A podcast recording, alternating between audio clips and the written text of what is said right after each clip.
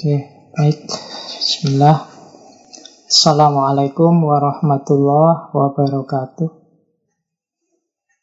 Waalaikumsalam warahmatullahi wabarakatuh. Bismillahirrahmanirrahim. Alhamdulillahirabbil alamin. Wa bihi nasta'inu ala umuri dunya waddin.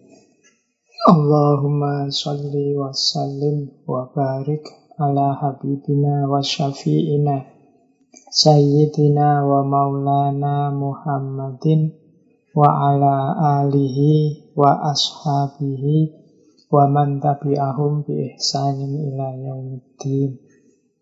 Amma ba'du. Uh, Bismillah. Mari teman-teman kita ngaji lagi. Kita lanjutkan ngaji filsafat kita meskipun formatnya ganti lagi.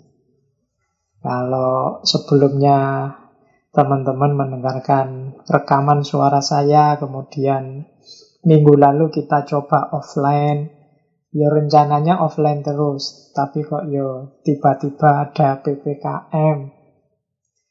Akhirnya kita balik lagi seperti semula. Malam hari ini kita coba lagi menggunakan Zoom.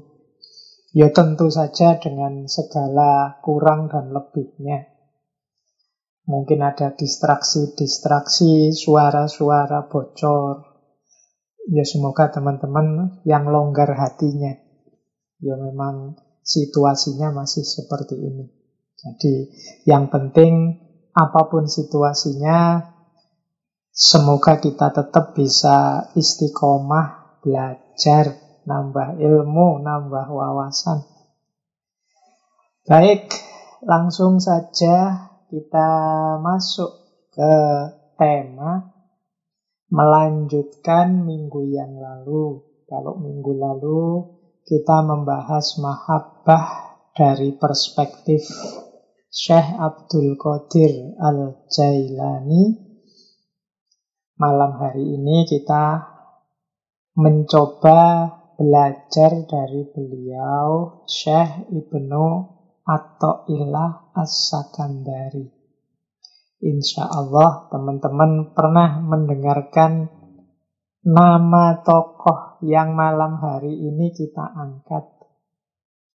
Jadi beliau ini terkenal sekali dengan kitab hikamnya. Teman-teman pastinya juga pernah mungkin mendengarkan atau mengikuti kajian-kajian kitab hikam. Entah dengan cara apa atau melalui siapa atau mungkin sekedar membaca kitabnya atau terjemahannya. Karena naskah hikam ini kan masyhur sekali. Kalau dalam sejarahnya naskah kitab Al-Hikam ini masuk ke Indonesia itu ada yang bilang pertama kali dibawa oleh Al-Falimbani. Dan diterjemahkan kitab ini ke dalam berbagai bahasa. Oke, uh, saya mulai. Kita awali dulu dari mengenal tokoh kita ini. Karena Kelihatannya Syekh Abdul Somad Al-Falimbani ini belum pernah secara spesifik kita bahas. Pelan-pelan ya, tidak apa-apa. Kalau materinya, ya karena satu bulan ini kita membahas materi Mahabbatullah, mungkin sedikit-sedikit nanti ada materi yang sama di antara tokoh-tokoh yang kita angkat malam hari ini. Ya karena memang substansinya sama. Hanya saja kita perkaya dari berbagai perspektif tokoh sufi. Semoga ada di antara tokoh-tokoh yang kita angkat bulan ini yang menyentuh dalam tanda petik yang menyentuh hatinya teman-teman untuk bergerak ke arah yang lebih substansial dalam hidup ini. Baik, nama lengkap beliau sekaligus gelarnya adalah Syekh Tajuddin Abdul Fadil Ahmad bin Muhammad bin Abdul Karim bin Atoillah As-Sakandari As-Sazili. Uh, nama As-Sakandari ini menunjukkan beliau lahirnya di Iskandariyah, Mesir. Tahun 1250. Nanti beliau meninggalnya di Kairo tahun 1309. Jadi ya beliau ini memang sejak kecil dari keluarga ulama meskipun di disiplin ilmu yang berbeda. Beliau ini salah seorang tokoh utama dalam torikoh Saziliyah. Makanya itu nama beliau yang belakang kan ada kata-kata As-Sazili. Jadi beliau ini tiga tokoh utama dalam torikoh Saziliyah. Selain Syekh Abu Hasan As-Sazili dan penerus beliau Syekh Abdul Abbas Al-Mursi. Nah, saya Abdul Abbas Al-Mursi ini nanti gurunya Syekh Ibnu Atta'illah As-Sakandari. Jadi ini orang ketiga, orang besar ketiga dari tradisi Torikoh Saziliyah. Di Indonesia kan Torikoh ini juga populer, masyhur. Nah, Uh, Syekh Ibnu Atta'illah ini saya bilang tadi ini keluarga ulama, keluarga intelektual. Hanya saja kakek beliau ini ulama tapi bidangnya bidang fikih. Jadi Syekh Ibnu Atta'illah ini awal-awal karir keulamaannya itu mengikuti kakeknya ini. Jadi beliau kuat di fikih. Sampai nanti ketemu guru beliau yaitu Abdul Abbas Al-Mursi. Setelah itu baru beliau geser ke tasawuf. Sampai nanti dari Iskandaria pindah ke Kairo. Di sana beliau memuncak kesufiannya dan juga kealimannya. Beliau aktif nulis termasuk kitab hikam. Malam hari ini kita belajar tentang Mahabbatullah menurut Syekh Ibnu Atta'illah ini dari kitab hikam. Jadi seperti kita belajar Syekh Abdul Qadir Jailani minggu lalu, malam hari ini kita belajar kitab hikam secara tematik. Kita pilih tema-tema yang relevan dengan mahabbatullah atau cinta ilahiyah. Eh, kita lihat dulu ya gaya berpikirnya, cara berpikir sufistiknya Syekh Ibnu Atta'illah ini sebelum masuk ke gagasan mahabbatullahnya. Jadi yo tasawuf ini agar bisa diambil manfaatnya oleh banyak orang, yo para sufi merumuskannya dalam kitab-kitab para sufi mengekspresikannya melalui gagasan-gagasan, pemikiran-pemikiran. Meskipun hakikatnya ya dunia tasawuf itu kan dunia kalau bahasa filsafatnya eksperiensial, dunia pengalaman. Harus dijalani, harus dialami. Baru kemudian pengalaman ini oleh para sufi, para wali diterjemahkan melalui kitab-kitab, naskah-naskah, ajaran-ajaran, dan lain sebagainya. Mungkin ada yang tanya, Pak, ini kan ngaji filsafat. Kok temanya tasawuf? Kan beda, Pak. Tasawuf dengan filsafat. Ya, secara substansi ontologisnya kalau bahasa filsafat beda.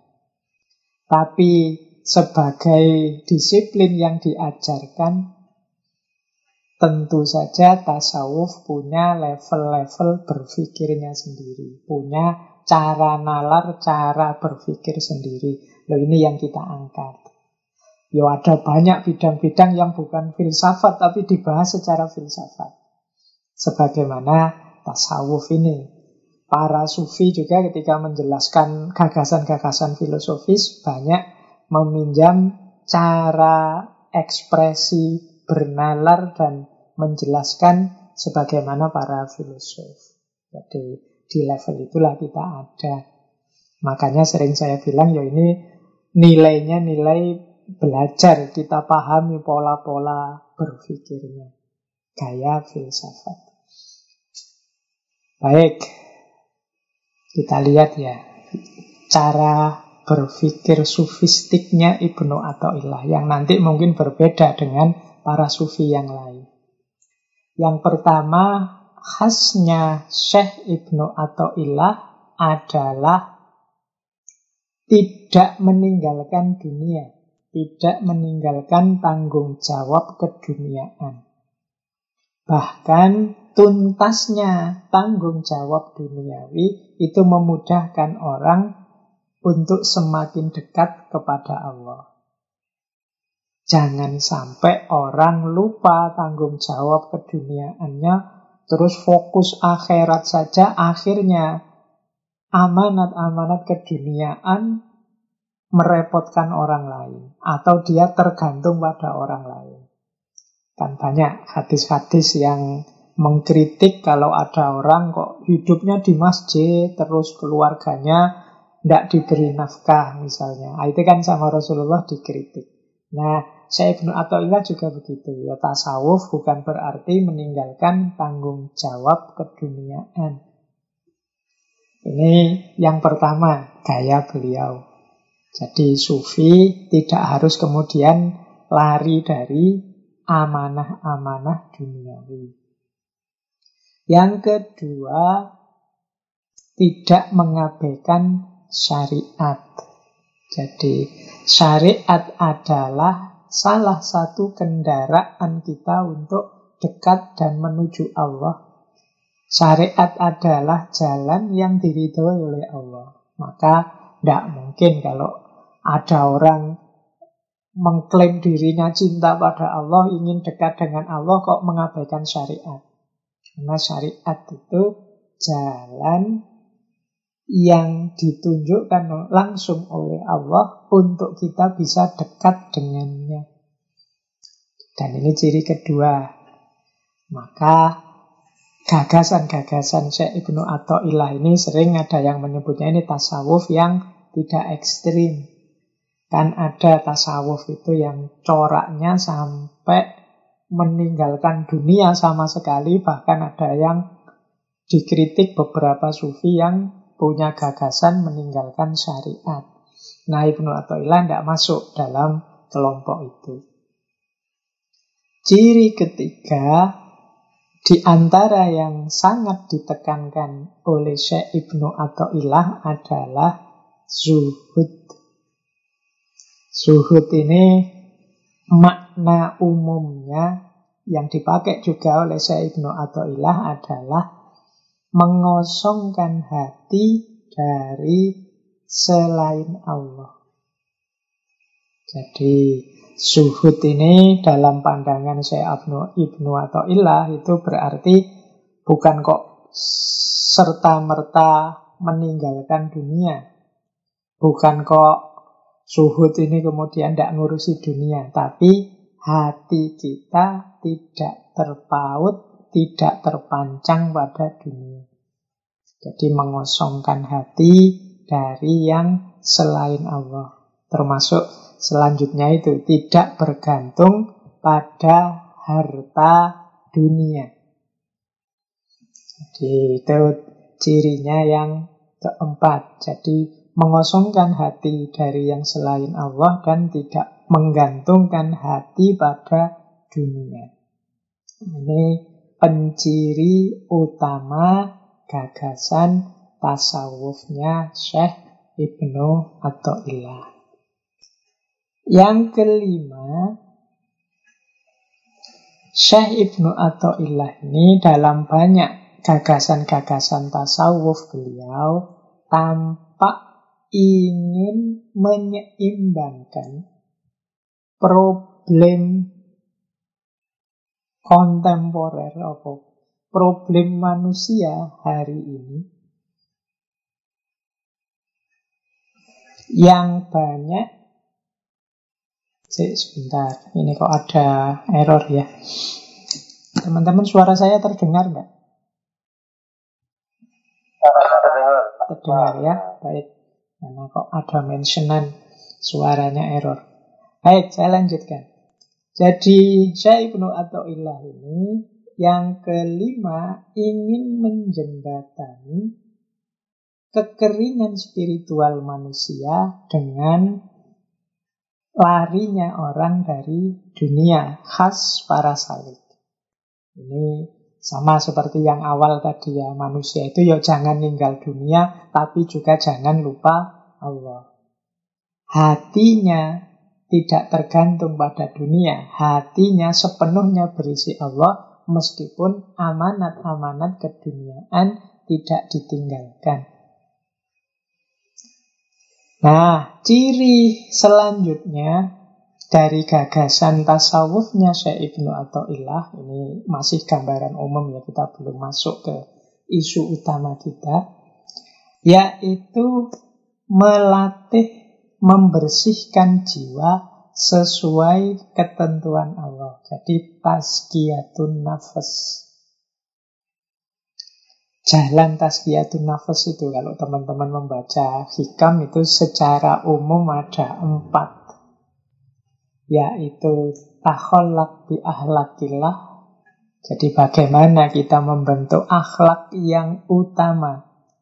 Sebagaimana akhlaknya Allah. Akhlaknya Allah itu kan Allah punya banyak sekali sifat-sifat utama.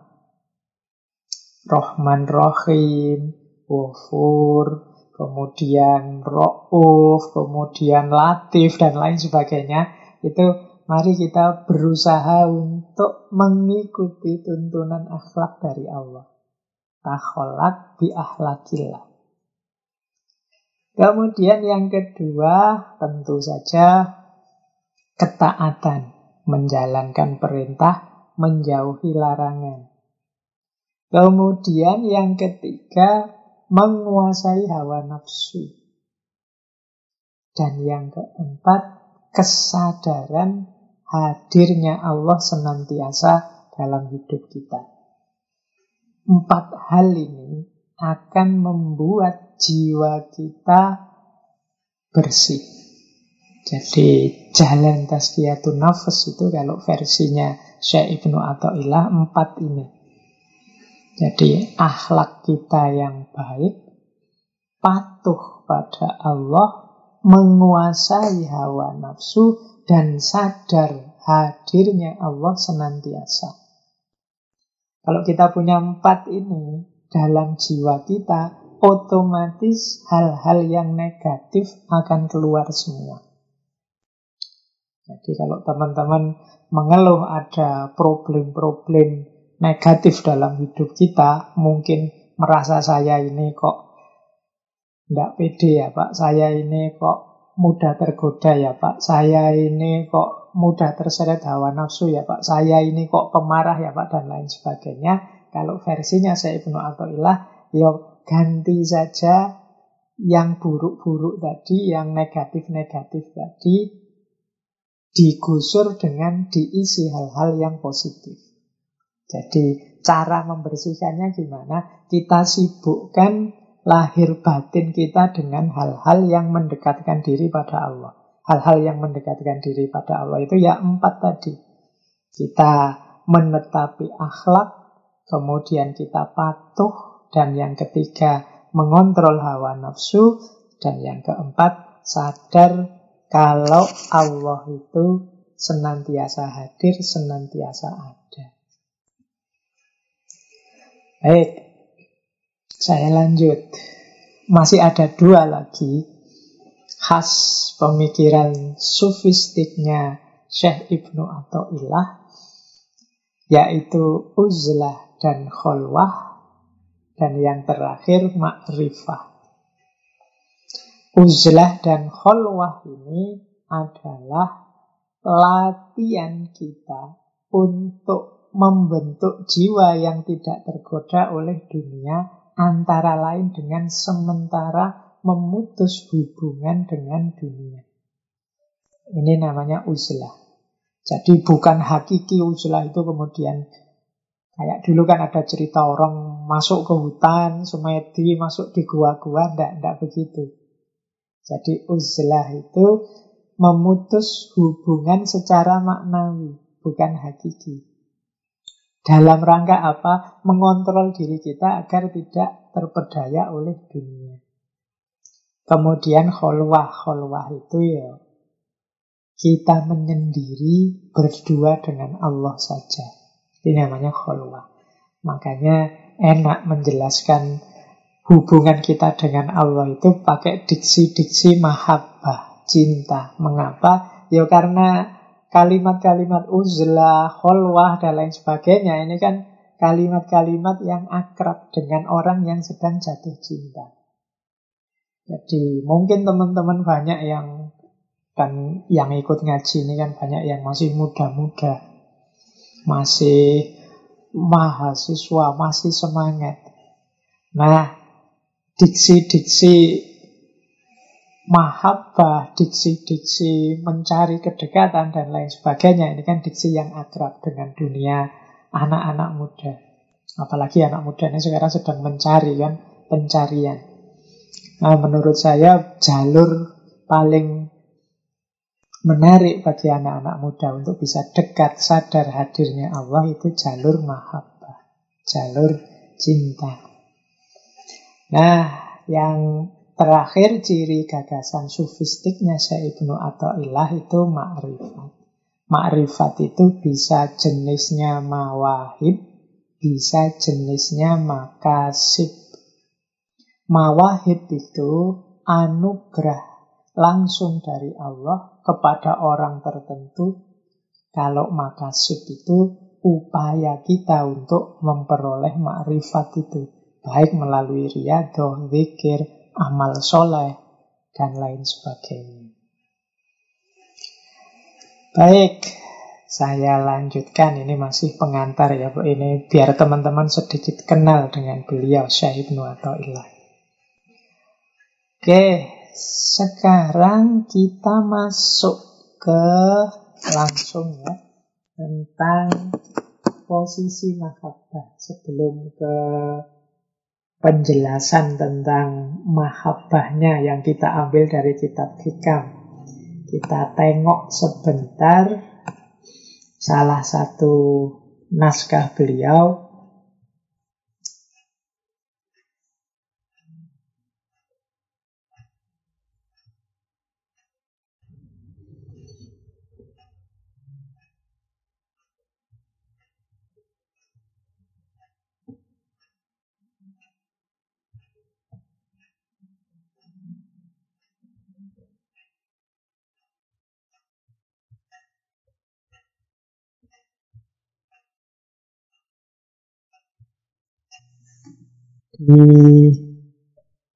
ulang ya teman-teman kita lanjutkan lagi.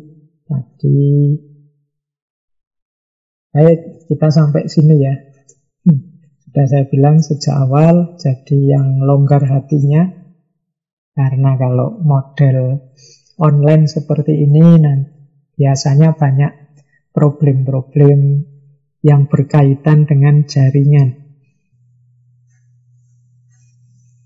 Baik, kita lanjutkan. Kita sudah sampai di titik makomat-makomat menurut Syekh Ibnu Ilah As-Sakandari. Suara saya terdengarkah, teman-teman? Dengar ya. Yuk, kita belajar lagi. Baik, menurut Syekh Ibnu Ilah makomat atau tangga-tangga yang harus kita daki menuju Allah itu ada satu, dua, tiga, empat, lima, enam, tujuh, delapan, dan sembilan puncaknya, yaitu mahabbah. Jadi ini bagi para salik, orang yang berjalan menuju Allah, mari kita daki tangga-tangga itu. Ya, para sufi biasanya punya rumus sendiri-sendiri tentang tangga-tangga ini. Nah, kalau menurut Syekh Ibnu Athaillah ya tangganya sembilan ini puncaknya mahabbah. Jadi mahabbah ini ada di strata paling tinggi. Diawali dari taubat. Ini kalau yang awal ini biasanya sama, hampir semua pakai taubat. Kemudian dilanjutkan zuhud. Jadi setelah bertobat berzuhud. Berzuhud itu berarti melatih diri agar tidak jatuh cinta dengan dunia. Kalau sudah bisa zuhud, sabar. Biasanya kan orang zuhud itu kendalanya banyak, ujiannya banyak, godaannya banyak. Maka makom sabar jadi level selanjutnya. Kalau sukses zuhud dan mampu bersabar, ada makom satu level lebih tinggi yaitu syukur. Jadi rasa terima kasih kita, rasa pujian kita yang sepenuhnya kita persembahkan untuk Allah. Alhamdulillah, ya Allah aku masih engkau izinkan untuk meniti jalan menujumu melalui taubat, aku kuat suhu dan mampu bersabar. Nah, kalau sudah nyampe makom syukur, itu kemudian naik ke makom khauf dan roja. Ini dua makom berturutan. Diawali dari khauf. Kita merasa takut, tidak berani sembrono lagi menjalani hidup ini. Kita hati-hati agar tetap fokus perjalanan menuju Allah tidak melenceng ke mana-mana. Wong sudah berjuang sejak tobat, zuhud, sabar, dan kita syukuri, ya kita terus hati-hati. Makanya ada khaufnya, biar tidak sembrono. Tapi juga khaufnya jangan terlalu besar biar tidak putus asa. Di situ ada rojak. Kita penuh harapan pada Allah. Semoga Allah mengampuni kita, semoga Allah membimbing kita, semoga Allah nonton kita, melindungi kita, dan lain sebagainya. Ini namanya rojak. Kalau sudah mampu rojak dan khauf dan syukur, sabar, zuhud, taubat, ada satu level lebih tinggi yaitu ridho. Jadi naik satu level di ridho. Ridho itu berarti kelegaan kita untuk menerima apa pun situasi yang menimpa diri kita. Ini namanya makom ridho. Kemudian naik satu lagi di atas ridho yaitu tawakal. Kalau tawakal itu kondisi jiwa kita yang mampu memasrahkan segalanya kepada Allah. Itu namanya tawakal. Kalau ridho itu coraknya pasif dalam tanda petik kita terima apa pun situasi, kondisi, takdir yang diberikan pada Allah. Kalau tawakal ini ada unsur aktifnya. Apa pun yang kita jalankan, apa pun yang kita lakukan, kita pasrahkan hasilnya pada Allah. Setelah yang terbaik kita jalankan, kita kembalikan semuanya pada Allah. Nah ini namanya tawakal. Nah, pada akhirnya kalau orang sudah mampu ridho dan mampu tawakal, dia akan sampai pada mahabbah. Jadi, munculnya rasa cinta kepada Allah.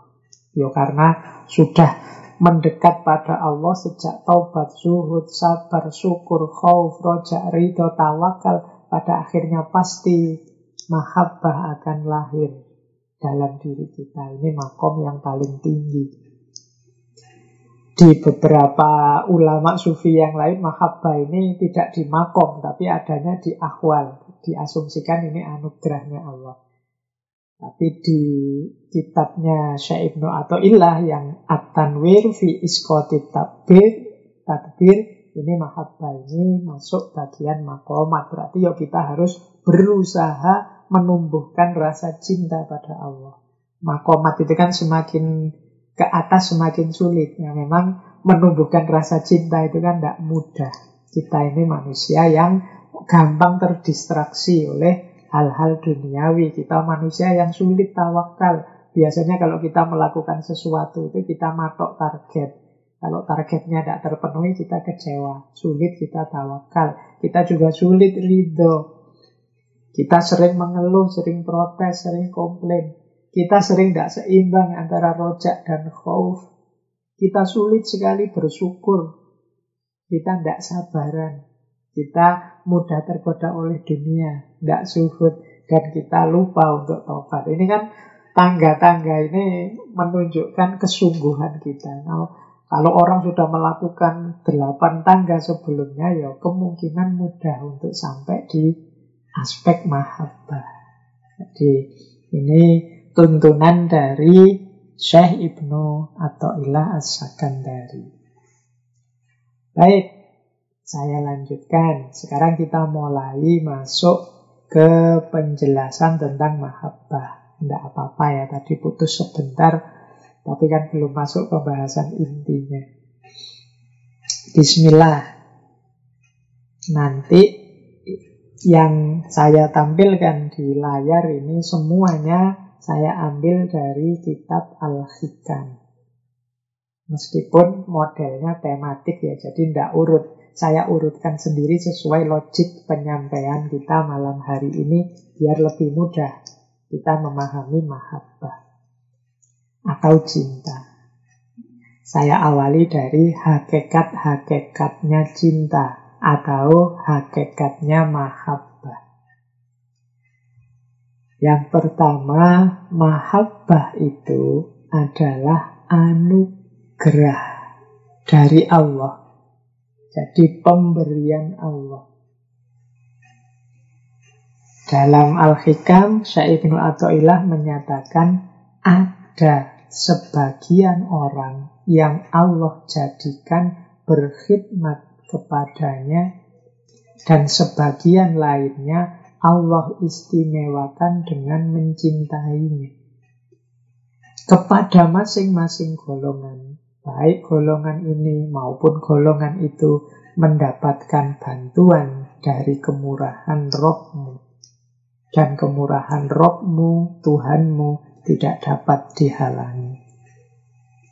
Jadi memang merupakan ketentuan dari Allah ada orang itu yang diposisikan oleh Allah di level berkhidmat sepenuhnya pada Allah, level ibadah. Ada juga orang-orang yang diistimewakan oleh Allah untuk sampai di level mahabbah. Ya dua-duanya baik. Masing-masing golongan ini mendapatkan kemurahan dari Tuhan. Kita ini jadi abid atau asyik kalau dalam bahasa Arabnya. Abid itu orang yang fokus beribadah, mengabdi pada Allah atau asyik orang yang sangat mencintainya, ini dua-duanya adalah anugerah dari Allah. Jadi jangan ditanding-tandingkan, jangan diadu, kita kan sering adu Allah itu lama ngerti ini fikih tok kurang dalam. Atau ah itu lama tasawuf itu sesat. Enggak dua-duanya anugerahnya Allah. Dua-duanya dicintai oleh Allah. Kita yang nyinyir ini yang bermasalah. Jadi memang ada orang yang dijadikan oleh Allah berkhidmat kepadanya, ada orang yang diistimewakan oleh Allah untuk mencintainya. Dua-duanya penting untuk kita syukuri. Nah, berarti apa? Oh, berarti cinta itu memang hakikatnya anugerah dari Allah. Kita bisa sih memaksa diri kita untuk patuh, untuk taat pada Allah misalnya. Tapi kalau rasa cinta ini kan tidak bisa dipalsukan. Kalau Allah tidak menumbuhkan rasa cinta itu, ya ketaatan kita, kepatuhan kita itu biasanya ya muncul karena kewajiban-kewajiban, dorongan-dorongan, tanggung jawab, dan lain sebagainya. Tapi bukan cinta. Baik, saya lanjutkan. Jadi hakikat mahabbah yang pertama itu anugerah. Karena itu anugerah, maka teman-teman mintalah kepada Allah atau lakukan segala yang teman-teman tahu, yang mengundang ridhonya Allah dan perkenan Allah sehingga menganugerahkan rasa cinta itu. Itulah karena hakikatnya cinta itu anugerah.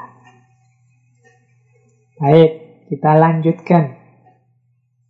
Hakikat yang kedua, mahabbah itu hakikatnya adalah ikhlas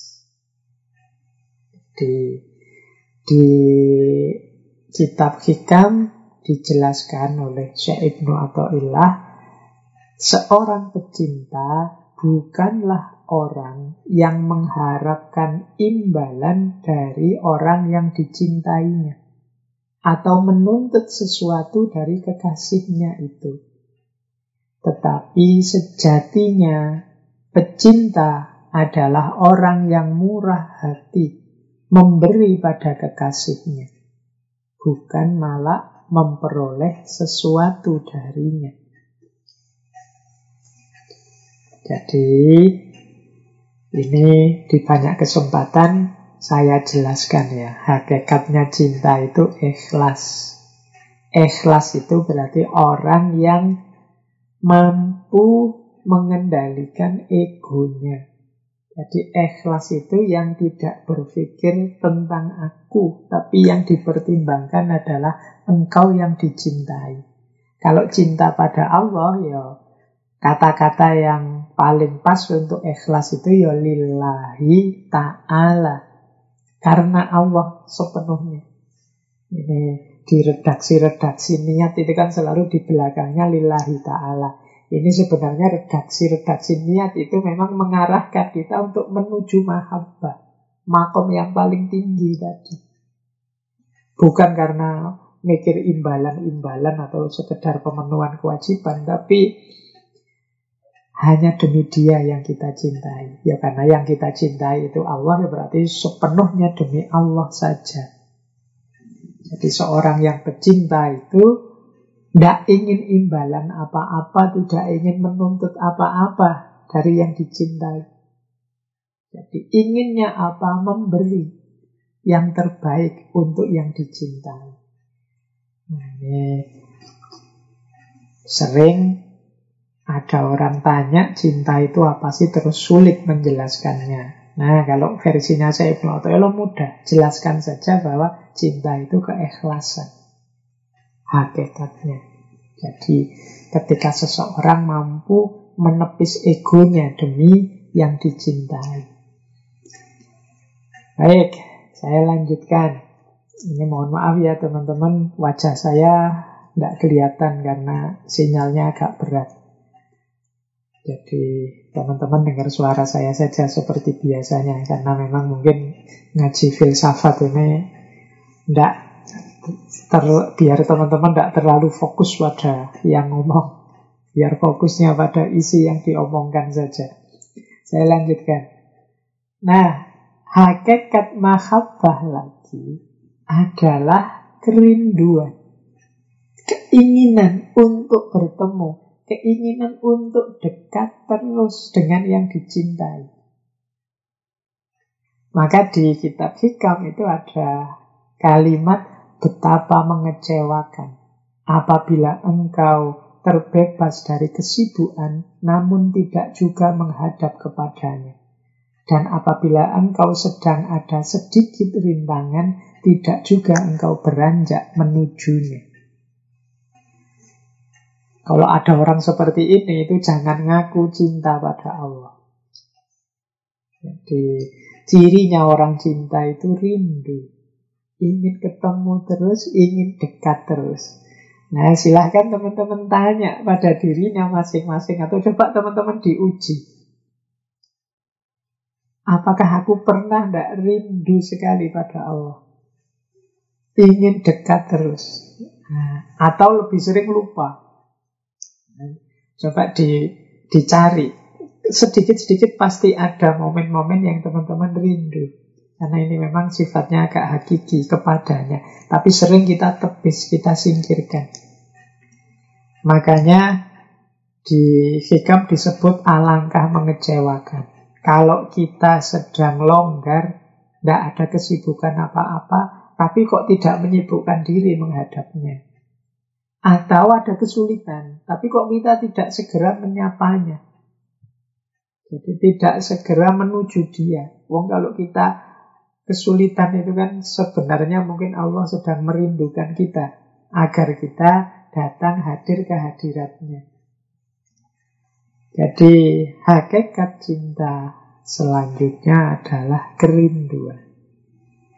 Orang yang mencintai pasti rindu baik dalam situasi senang atau dalam situasi sulit, ingin terus dekat dengan yang dicintai. Nah, jadi ini ukuran kita cinta atau tidak. Terus, hakikat cinta selanjutnya menurut Al-Hikam adalah hadirnya sang kekasih di mana saja. Ini maksudnya apa?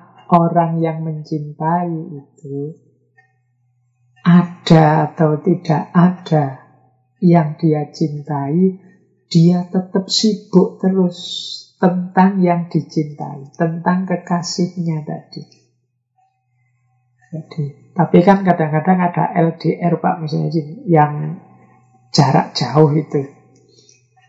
Iya sih, long distance kita hubungannya jarak jauh. Tapi kadang-kadang justru dengan jauh itu pikiran kita malah sibuk terus tentang dia yang jauh. Sekarang sedang ngapain ya? Sekarang kesibukannya apa ya? Ini PPKM ini jangan-jangan dia sedang di rumah sendirian atau dia jangan-jangan sakit atau dia jangan-jangan kita sibuk terus tentang dia. Jadi meskipun mungkin wujudnya tidak ada, tapi pikiran kita sibuk terus tentang kekasih kita. Hadirnya kekasih di mana saja. Di banyak presentasi sering saya ilustrasikan kan kalau orang jatuh cinta itu ke mana saja, melihat apa saja, selalu dihubungkan dengan yang dia cintai. Kalau dia jalan-jalan ke mall misalnya, terus lihat jejer motor-motor banyak di parkiran atau mobil-mobil banyak di parkiran. Kita wah dia biasanya motornya motor ini loh mereknya. Dia biasanya kalau ke mall itu nongkrongnya di sini loh dia. Padahal dia tidak ada. Tapi kita sibuk terus tentang dia. Mungkin kita masuk ke warung makanan ke angkringan. Itu kita lihat karena pernah bareng dia. Terus wah dia itu sukanya nasi ini loh, dia itu minumnya es teh yang dan lain sebagainya. Kekasihmu selalu hadir meskipun dia tidak ada. Itu tandanya cinta. Bahkan ya, sering kali pecinta itu tidak memikirkan dirinya yang difikirkan kekasihnya. Nah, pecinta Allah juga begitu. Pecinta Allah itu melihat apa pun akan dia hubungkan dengan Allah. Hadirnya sang kekasih di mana saja, melihat apa saja, dalam apa saja. Kalau menggunakan istilah dari Syekh Abdul Qadir Jailani kemarin kan apa saja di muka bumi ini ya kalau tidak menunjukkan jalaliyahnya Allah ya jamaliyahnya. Tidak menunjukkan kebesaran Allah atau keindahannya. Satu di antara dua itu. Jadi alam semesta ini serba gelap. Dia menjadi terang hanya karena memanifestasikan Allah di dalamnya. Siapa yang melihat alam namun tidak menyaksikan Allah di dalam atau bersamanya sebelum atau sesudahnya maka ia sangat memerlukan cahaya dan matahari makrifat terhalang baginya oleh benda-benda alam.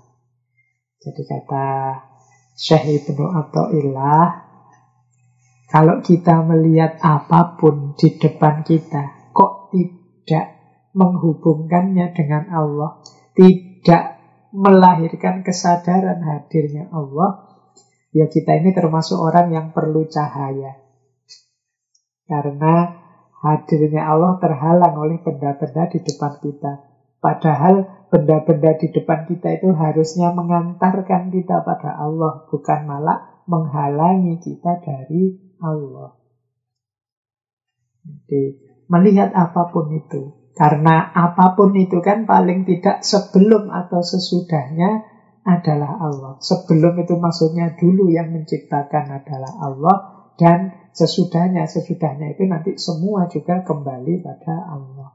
Tidak ada kan apa pun di alam ini yang bukan ciptaannya Allah. Berarti melihat apa pun benda-benda alam harusnya menyadarkan kita tentang Allah, mengantarkan kita kepada Allah.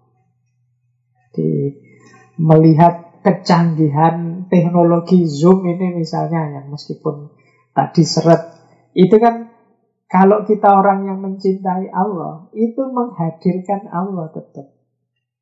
Misalnya Ya Allah, betapa engkau maha kuasa menciptakan manusia dengan kecerdasan yang luar biasa sampai muncul teknologi Zoom ini. Itu kan menghadirkan Allah namanya. Tapi Zoom kita putus sebentar. Oh itu juga menghadirkan Allah. Ya Allah, ya sepinter-pinternya manusia, secanggih-canggihnya manusia, ya tetap ada kurangnya saja. Beda dengan engkau yang maha sempurna. Ini namanya kehadiran, kesadaran hadirnya kekasih di mana saja baik dalam situasi positif atau situasi negatif. Ini berarti apa? Segala hal, segala peristiwa itu mengantarkan kita kepada Allah. Ini adalah ciri-ciri orang yang jatuh cinta kepada Allah. Baik, ini hakikat cinta selanjutnya. Kita lanjutkan. Hakikat cinta yang lain adalah asyik bersamanya. Ini menarik ya kata-kata asyik ini kalau diserap dalam bahasa Indonesia jadi asyik.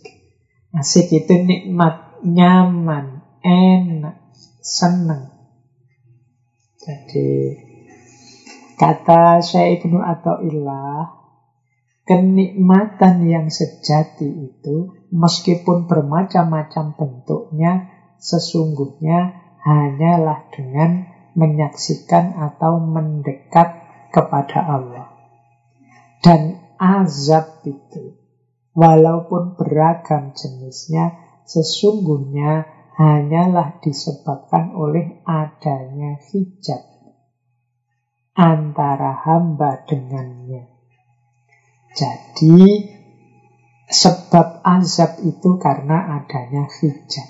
Sedang sempurnanya nikmat itu adalah engkau memandang wajah yang maha mulia. Nah ini silahkan dicari kalimat ini di sikat.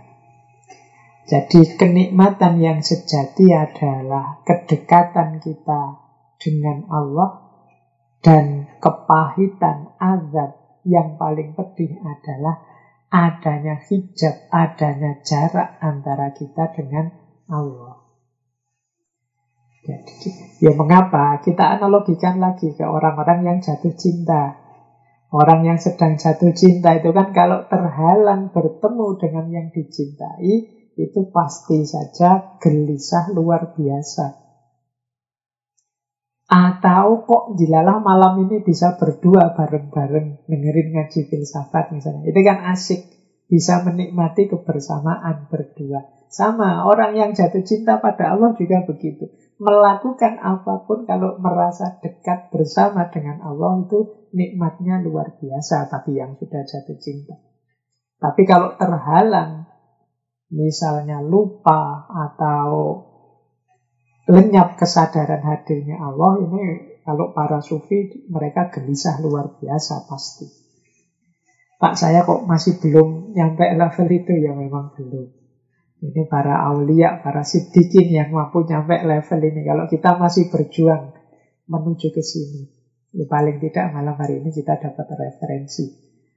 Di antara rumusnya takholak bi ahlakillah tadi kan, cinta ilahiyah itu bisa kita manifestasikan dalam hidup kita di muka bumi ini sebagai orang yang penuh cinta.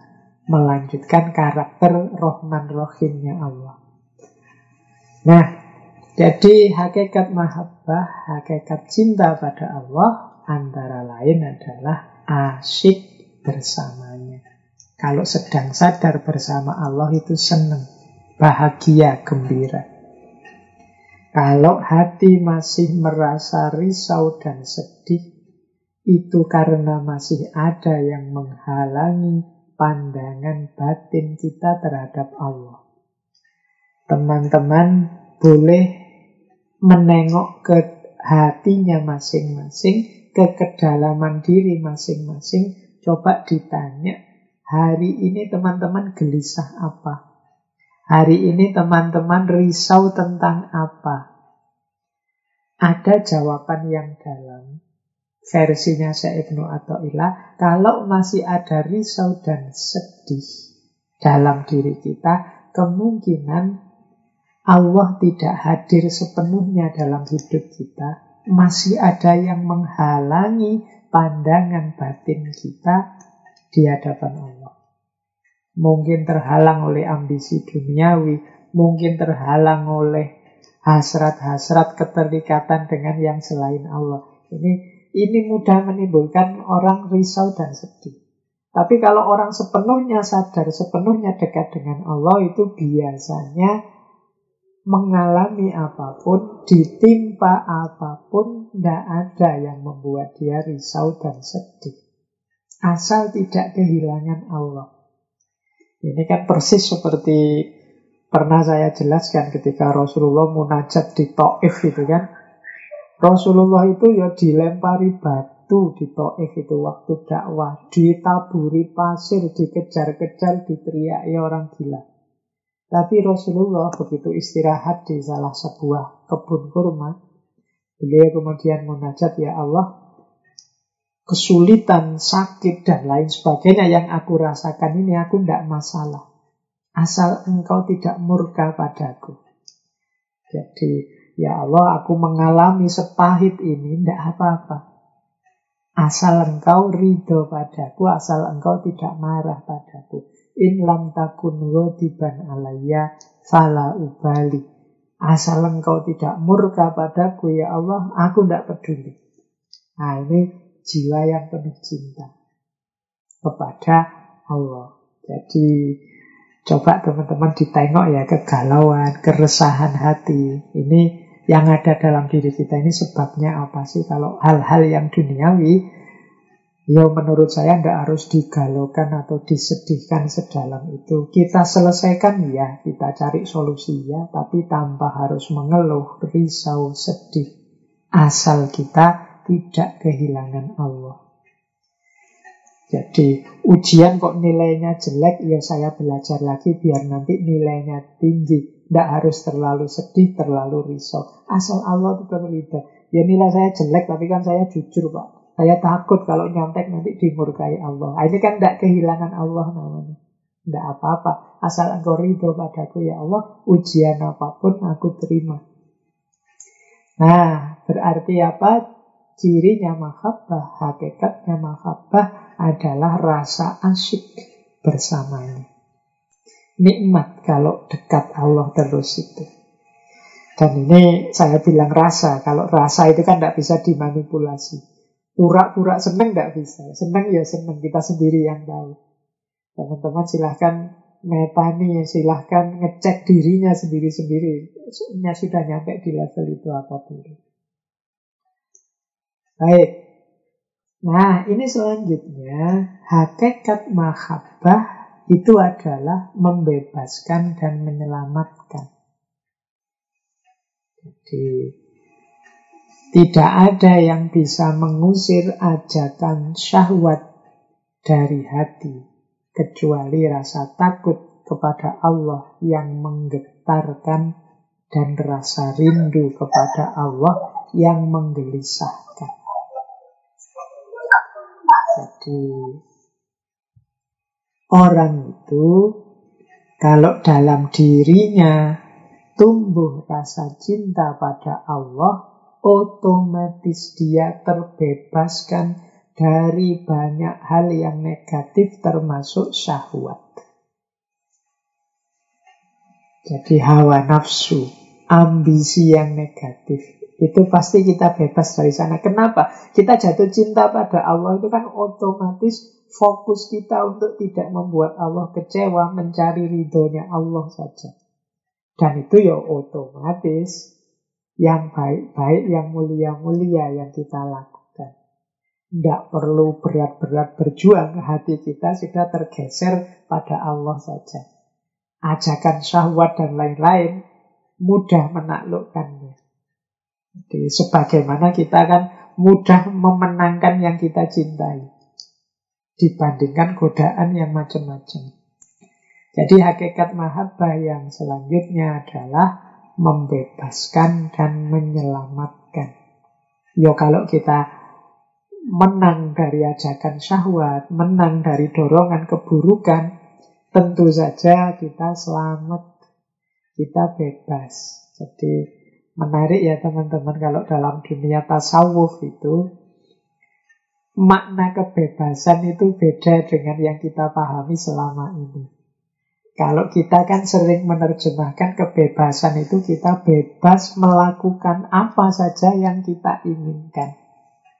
Tapi dalam dunia tasawuf, kebebasan itu adalah kita bebas dari belenggu hawa nafsu, kita bebas dari dorongan-dorongan untuk melakukan keburukan. Kita bebas dari keterikatan-keterikatan selain Allah. Makanya kebebasan itu kalau dalam dunia tasawuf itu makom yang tinggi. Kalau teman-teman belajar Ibnu Arabi misalnya, di situ dijelasin ada makom namanya makom hurriyah. Hurriyah itu makom kebebasan.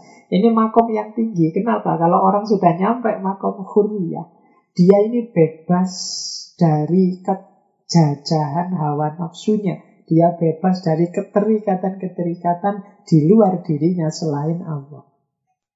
Kalau kita kan masih banyak terikat macam-macam hal. Tapi orang yang cinta pada Allah otomatis dia bebas. Dan, dan pasti juga selamat wong dia memang masuk ke ranah yang dekat dengan Allah. Baik, jadi mahabbah ternyata membebaskan kita dan menyelamatkan. Nah ini teman-teman yang muda-muda kan senang dengan wacana-wacana kebebasan itu. Ternyata dalam dunia tasawuf itu kebebasan itu ditawarkan lewat jalur cinta, mahabbah. Padahal selama ini kan kita ngertinya kalau orang jatuh cinta itu jadi budaknya yang dia cintai atau mencintai. Ternyata cinta itu membebaskan.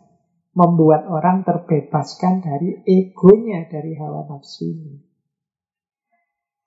Baik, kita lanjutkan lagi biar dapat banyak malam hari ini.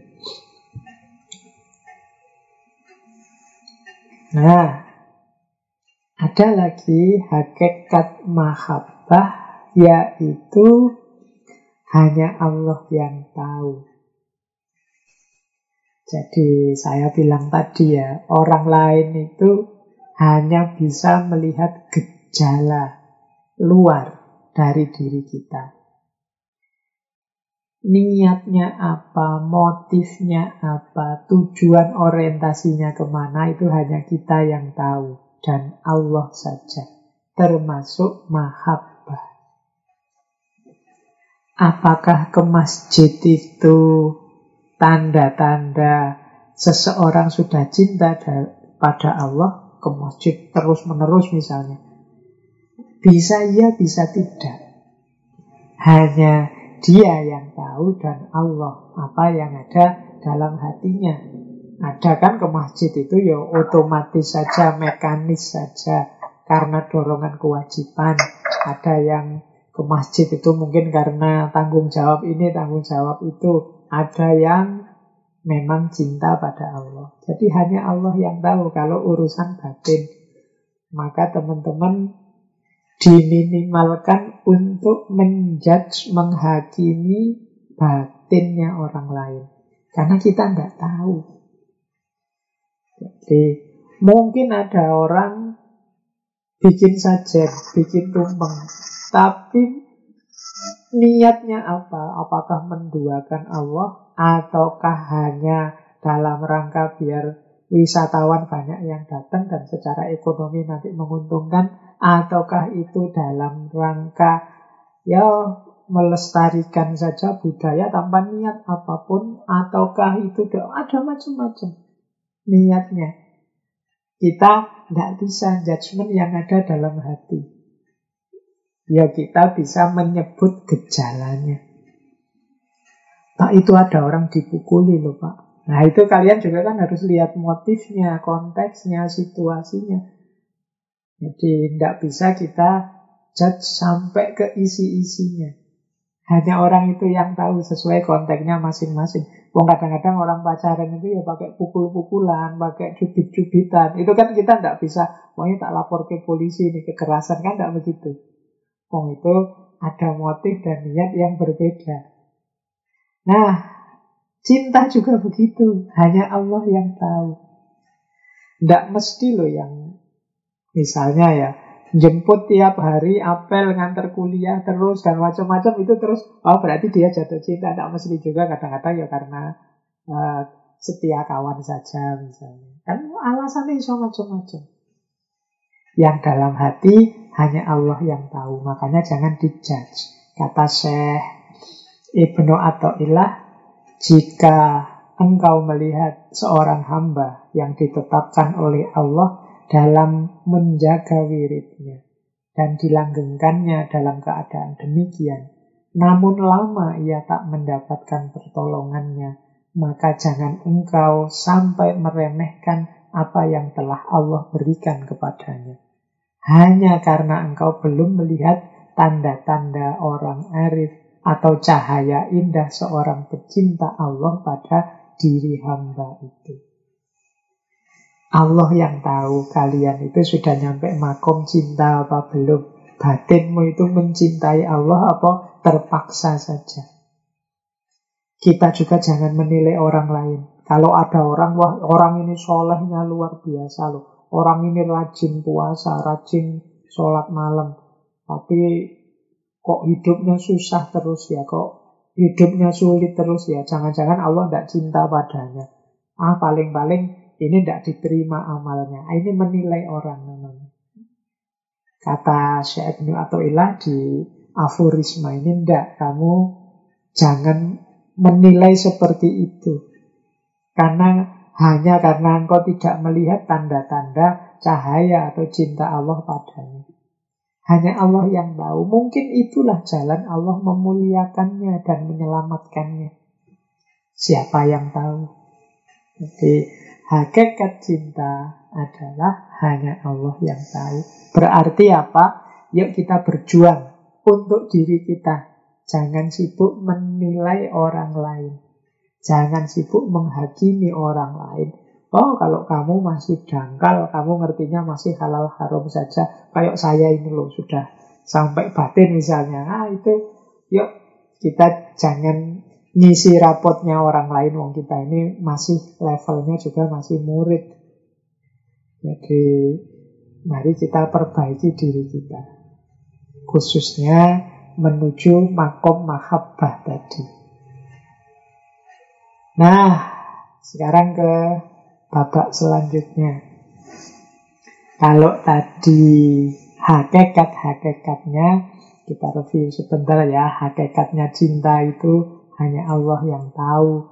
Cinta itu membebaskan, menyelamatkan. Cinta itu hakikatnya adalah kegembiraan, kebahagiaan bersama dia yang kita cintai.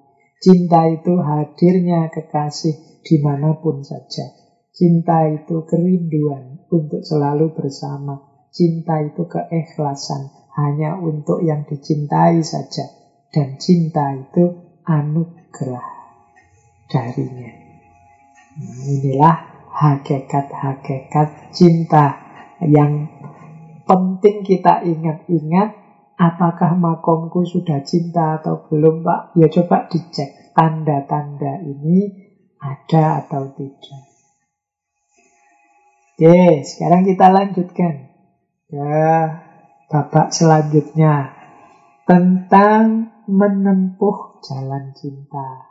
Kalau tadi hakikatnya, sekarang apa yang harus kita lakukan. Bagaimana cara kita menjadi hamba yang dicintai dan mencintai Allah.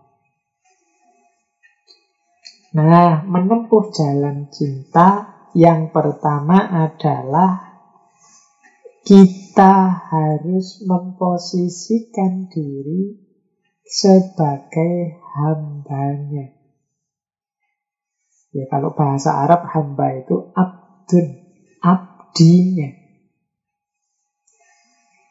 Jadi kadang-kadang ada yang menerjemahkan budaknya. Mungkin meskipun diksinya agak kasar ya. Tapi maksudnya sama. Jadi kata saya Ibnu Atta'illah, tidaklah engkau mencintai sesuatu, melainkan engkau akan menjadi hambanya. Dan Allah tidak suka apabila engkau menjadi hamba selainnya.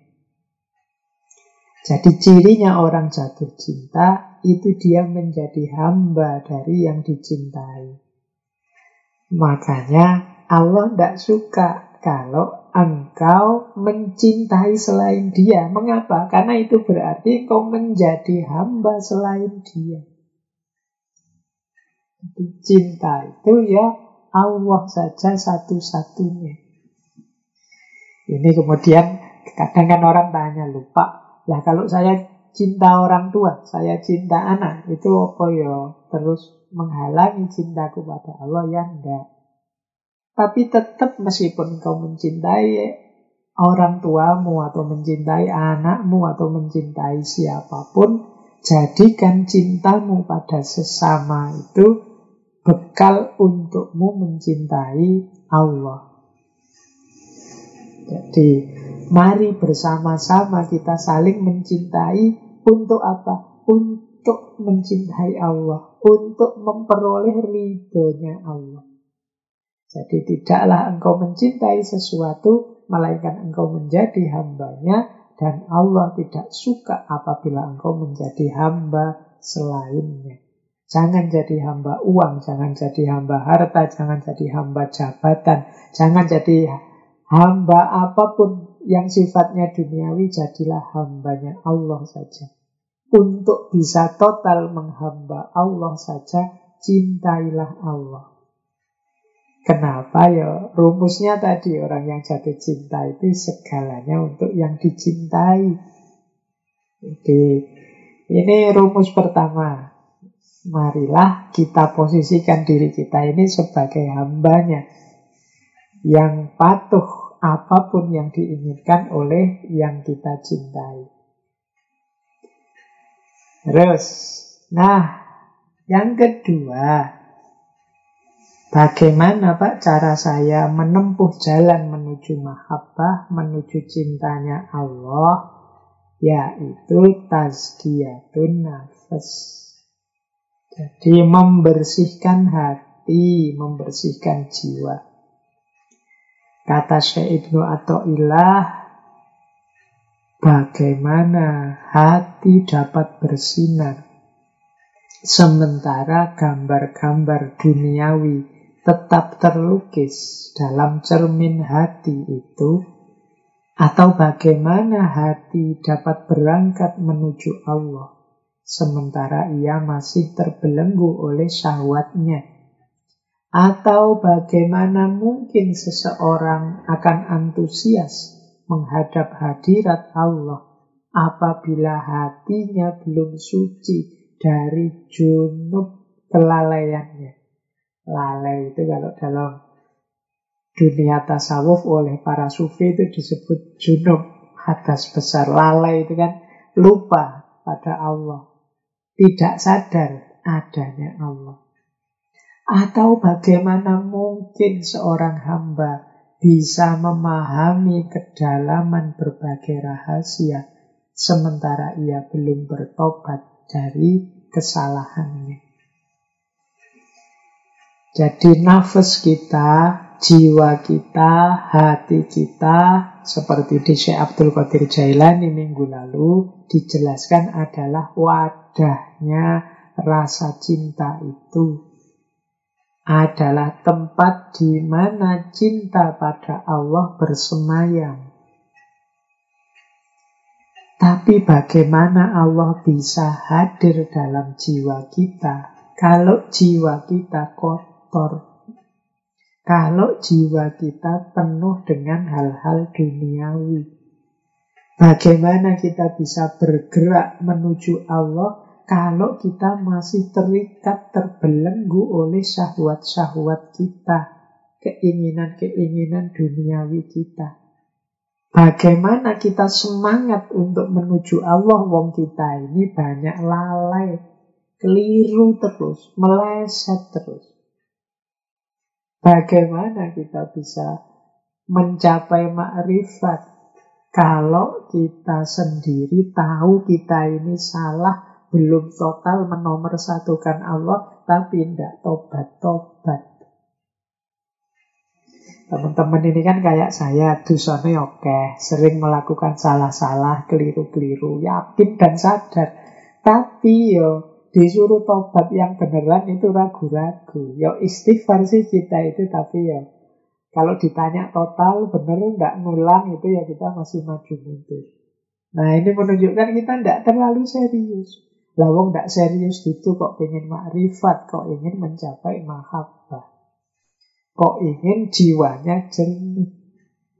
Ya tidak bisa kayak di Syekh Abdul Qadir Jailani kemarin lah kalau wadahnya kotor, cerminnya kotor, sebagus apa pun gambar tidak terlihat. Kalau ada bejana kok kotor, meskipun diisi air jernih, ya air jernihnya jadi air keruh. Nah, jadi strategi menempuh cinta yang kedua adalah tasgiyatun nafas. Ini masih berhubungan dengan tasgiyatun nafas ya. Kata Allah, kadang-kadang cahaya-cahaya mendatangimu namun mereka menemukan hatimu masih dipenuhi dengan hal-hal yang bersifat duniawi. Maka cahaya-cahaya itu kembali ke tempat semula. Oleh karena itu, kosongkan hatimu dari segala sesuatu selain Allah. Maka Allah akan memenuhinya dengan pengetahuan dan rahasia. Jadi Allah itu sangat penyayang pada kita. Tidak selalu Allah nunggu ibadah kita yang serius baru Allah melimpahkan cahaya. Tidak selalu Allah nunggu prestasi-prestasi religius spiritual kita baru Allah menganugerahkan makrifat. Tidak selalu begitu. Kadang-kadang Allah itu menganugerahkan cahaya. Mungkin pada orang yang dia selama ini banyak dosa tiba-tiba dilimpahi oleh Allah cahaya. Kita juga mungkin masih banyak dosa, mungkin saja dilimpahi oleh Allah cahaya. Makanya, yuk kita bersihkan terus jiwa kita. Siapa tahu, tiba-tiba kita dilimpahi Allah cahaya. Banyak orang yang mungkin dilimpahi oleh Allah cahaya, tapi dia tidak tahu karena hatinya masih penuh dan sibuk dengan hal-hal duniawi yang selain Allah. Ya kalau kamu sibuknya di situ, ya hadirnya cahaya ilahiyah itu ya tidak ada gunanya, cahayanya balik lagi. Wong kamu cuekin, kamu sibuk dengan hal lain yang bukan Allah.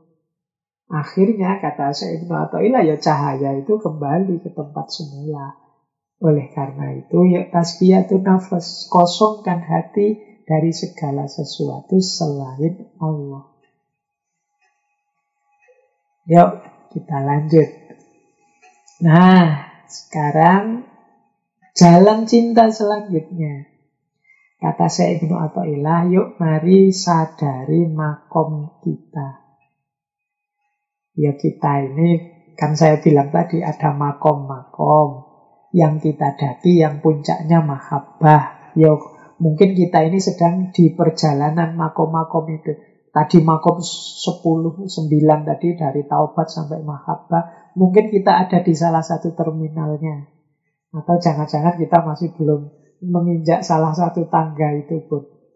Tapi yang jelas orang itu harus sadar makomnya. Misalnya begini kata Syekh Ibnu.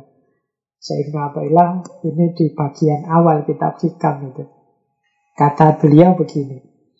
Keinginanmu untuk tajrid padahal Allah telah menetapkan engkau pada asbab adalah termasuk bisikan syahwat yang sama.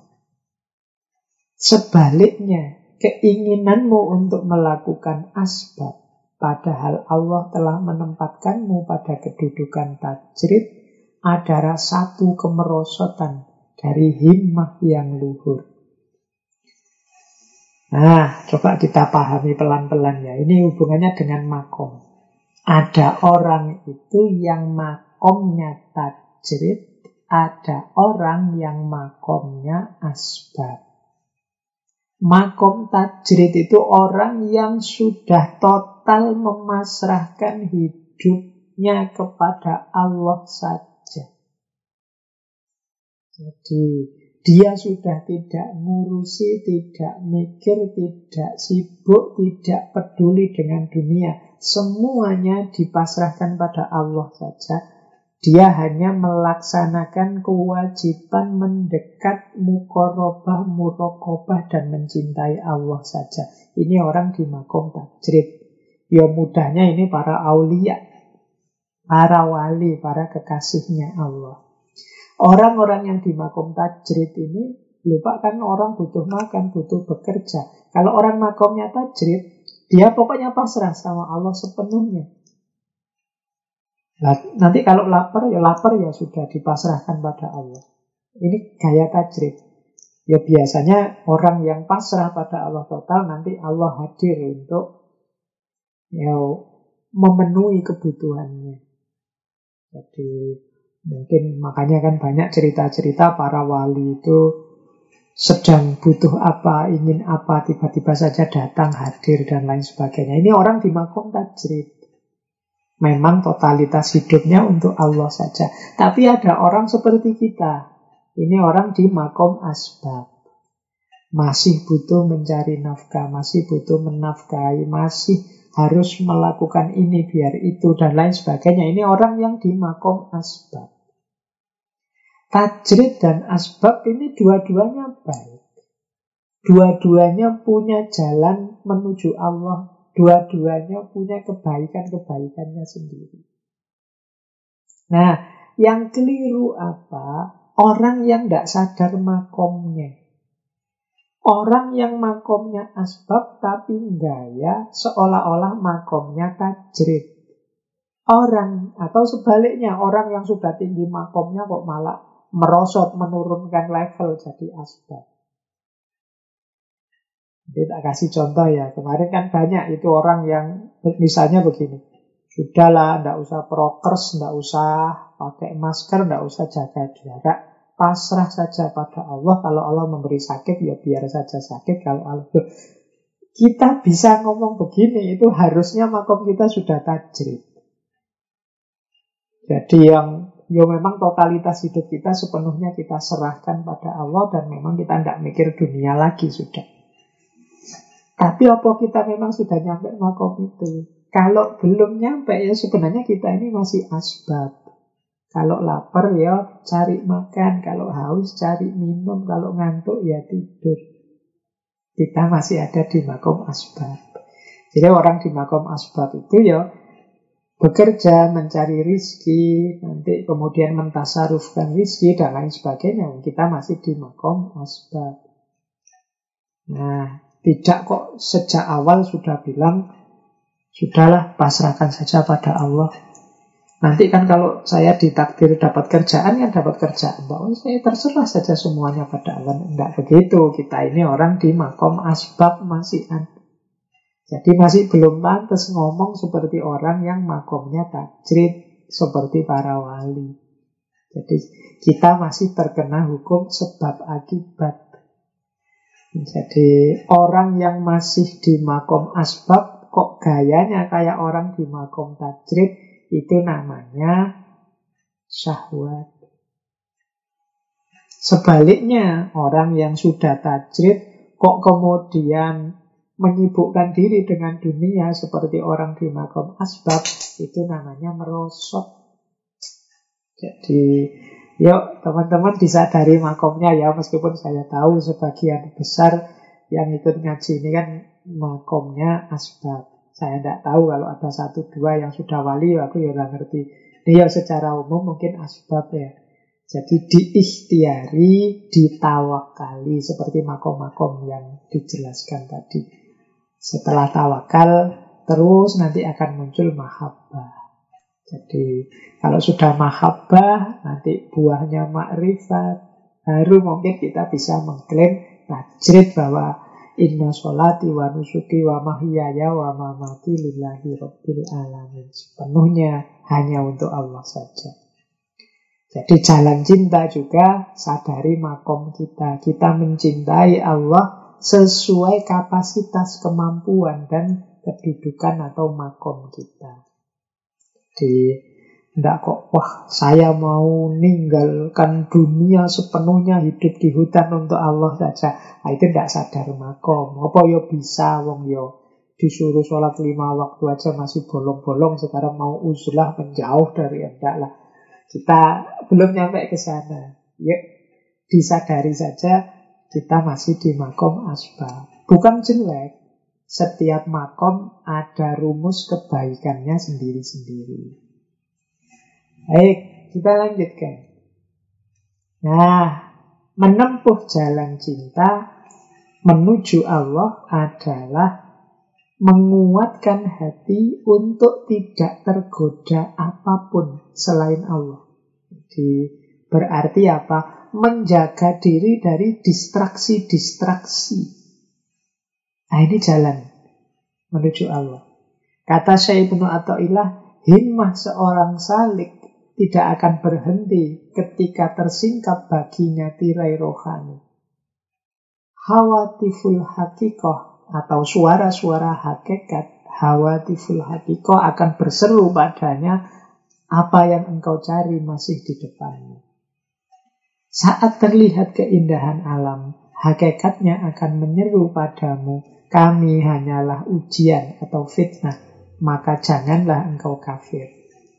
Jadi maksudnya begini, orang di makom tajrid tadi mungkin dia mendapatkan nikmat terbukanya hijab sehingga menyaksikan hal-hal yang luar biasa atau mendapat karomah-karomah dari Allah.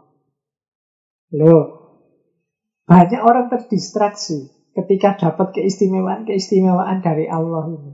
Tapi dengan himmah yang kuat, seorang salik yang sudah tajrid itu harusnya tidak tergoda. Orang yang mendapatkan karomah dari Allah misalnya saat itu juga dia akan mendengar suara-suara kebenaran, suara-suara hakikat, yaitu apa? Apa yang engkau cari masih ada di depanmu. Jadi apa yang engkau cari masih ada di depanmu itu belum karomah-karomah, keistimewaan-keistimewaan yang kamu peroleh itu bukan tujuanmu. Tujuanmu itu Allah. Jangan sampai tertipu oleh ini semua. Jadi kan ini berat kadang-kadang orang itu ketika diberi Allah keistimewaan keistimewaan itu justru lupa bahwa tujuannya bukan itu tujuannya ya Allah maka teman-teman juga begitu kalau sedang dapat nikmat besar tolong jangan terdistraksi ingat-ingatlah apa yang engkau cari masih di depanmu bukan itu kok tiba-tiba dapat rezeki besar bukan itu yang finalnya. Kok tiba-tiba teman-teman mendapat anugerah apa? Bukan itu finalnya. Apa yang engkau cari masih di depanmu, yaitu Allah. Demikian juga hal-hal duniawi, keindahan alam, dan lain sebagainya. Dengarkanlah semuanya menyeru. Ini sebenarnya ayat. Innama nahnu fitnatun fala takfir. Kami ini hanyalah fala takfur. Kami ini hanyalah batu ujian atau fitnah. Maka janganlah kufur. Jadi kufur itu membelakangi Allah. Menutupi kebenaran. Tidak. Jadi kalau ketemu indahnya dunia apa pun itu, ingat-ingatlah itu fitnah. Innama nahnu fitnatun. Jangan sampai menggiring kita berpaling dari Allah ala takfur. Jadi jalan cinta itu jalan istiqomah. Pokoknya menuju Allah, demi Allah, dan untuk Allah saja. Jadi ingatlah apa yang engkau cari masih di depanmu. Ingatlah ketemu apa pun mereka semua bersuara meskipun kita tidak mendengar. Kami hanyalah fitnah, ujian bagimu, maka janganlah engkau kafir. Nah, ini rumus-rumus untuk semakin dekat dengan Allah. Nah, penting juga kita mencari sahabat, teman, relasi yang mendukung jalan kita. Makanya para sufi itu selalu menganjurkan mencari guru, mencari teman, murid sama-sama bareng-bareng nanti yang dari situ lahir torikot-torikot. Jadi apa? Mudah kalau bareng-bareng. Kalau kita sedang puasa, kalau bareng-bareng kan enak. Tapi kalau puasa sendirian kan berat. Di rumah bertiga, berempat, berlima, saya puasa sendirian. Itu kan berat. Tapi kalau di rumah berlima puasa semua kan enak. Makanya dalam dunia tasawuf itu kan ada namanya torikot, persaudaraan spiritual. Kenapa? Karena bareng-bareng. Makanya fungsi teman penting. Janganlah engkau bersahabat dengan orang yang keadaannya tidak membangkitkan semangatmu dan pembicaraannya tidak membimbing ke jalan Allah. Jadi, yo kalau Pak teman saya kayak gitu semua ya Pak, semua isinya yo pokoknya dunia kabeh tidak ada yang mendekat pada Allah, yo dikurangi, dibatasi. Kuatirnya tadi menurunkan makom kita, menurunkan level kita. Boleh jadi engkau berbuat buruk, tetapi tampak olehmu sebagai kebaikan lantaran engkau bersahabat dengan orang yang tingkah lakunya lebih buruk darimu. Jadi kalau kalian misalnya mudahnya ya perampok besar melihat copet kecil itu kan bagimu kalau ada copet itu Allah biasa itu apa? Itu masih lumayan lah daripada saya. Itu kan yang besar. Nah, kalau kamu punya sahabat yang tingkah lakunya lebih buruk, sangat jauh darimu, kadang-kadang keburukanmu itu oleh dia disebut sebagai kebaikan. Dan ini bisa menghalangimu menciptakan hijab, menciptakan jarak darimu di hadapan Allah. Jadi kan kadang-kadang ada temen itu kan yang Allah cuma nyontek sedikit aja ndak apa-apa. Allah bohong kecil aja saya kalau bohong urusan gede-gede kamu gitu aja kok gelisah. Itu kan membuat kita kemudian merasa nyaman dalam keburukan. Nah ini pengaruhnya teman. Maka hati-hati dengan teman, dengan sahabat. Jadi cari sahabat yang mendukung perjalanan kita. Pak nanti-nanti aja loh Pak kalau sudah tua-tua sedikit kalau ada anu ya. Ya monggo saja kalau prinsipnya begitu tapi diingat-ingat umur dan usia tidak ada yang tahu. Jadi kalau bisa teman-teman kalau sadar kebenaran, kebaikan dan kita mampu mewujudkannya, melakukannya, yuk ayo kita mulai sekarang. Ya tentu saja step by step. Setahap demi setahap. Jadi ini rumus selanjutnya menurut saya Ibnu Ilah untuk menuju Allah. Nah, tahap selanjutnya jalan menemukan jalan cinta adalah tidak belok, tidak balik, baik ketemu ke lapangan atau ketemu kesempitan. Allah melapangkan keadaanmu agar engkau tidak selalu dalam kesempitan. Dan Allah menyempitkan keadaanmu agar engkau tidak selalu dalam kelapangan. Dan dia melepaskanmu dari keduanya agar engkau tidak bergantung pada sesuatu selainnya. Jadi aforisma ini, kalimat ini dari Syekh Ibnu Athaillah mengajarkan kita bahwa jangan terpengaruh oleh kelapangan atau kesempitan. Jangan terpengaruh oleh situasi menang atau kalah. Memang sengaja dipergilirkan oleh Allah Biar apa? Biar kita tidak bergantung pada sesuatu selain dia.